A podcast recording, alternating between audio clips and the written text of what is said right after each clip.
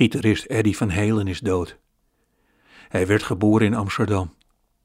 Dat wordt hier in Nederland gevierd alsof we een Oscar hebben gewonnen in de categorie meest onverstaanbare film uit landen waar ze ook films proberen te maken. Dat is een beetje de toon nu in Nederland. Lekkere gitarist die Eddie van Helen. Allemaal leuk en aardig met tien vingers op je hals spelen. Maar jongens, als je Eddie op zijn klompen hutspot zag eten, dat was pas genieten. Eddie zelf had helemaal geen reet met Nederland. Zijn familie heeft zich nooit welkom gevoeld, blij dat ze konden emigreren. Ikzelf had een heel andere relatie met Eddie. Zonder Eddie zou Bon Jovi nooit hebben bestaan en was er nu geen corona. Ik kan het verband tussen Bon Jovi en de pandemie niet bewijzen, maar ik zou er niet raar van opkijken.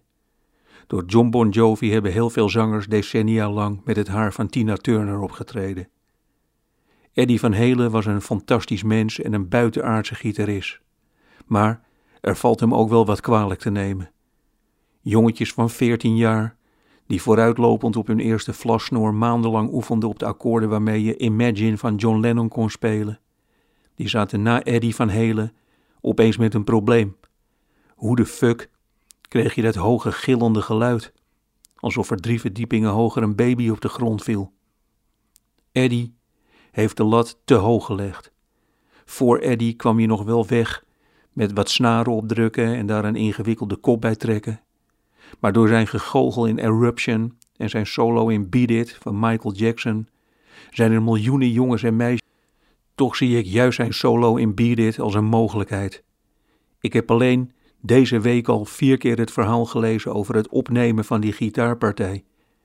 Hij speelde zo hard dat ze versterker en de mengtafel in brand vlogen. En Michael die riep: This solo is hot, Eddie.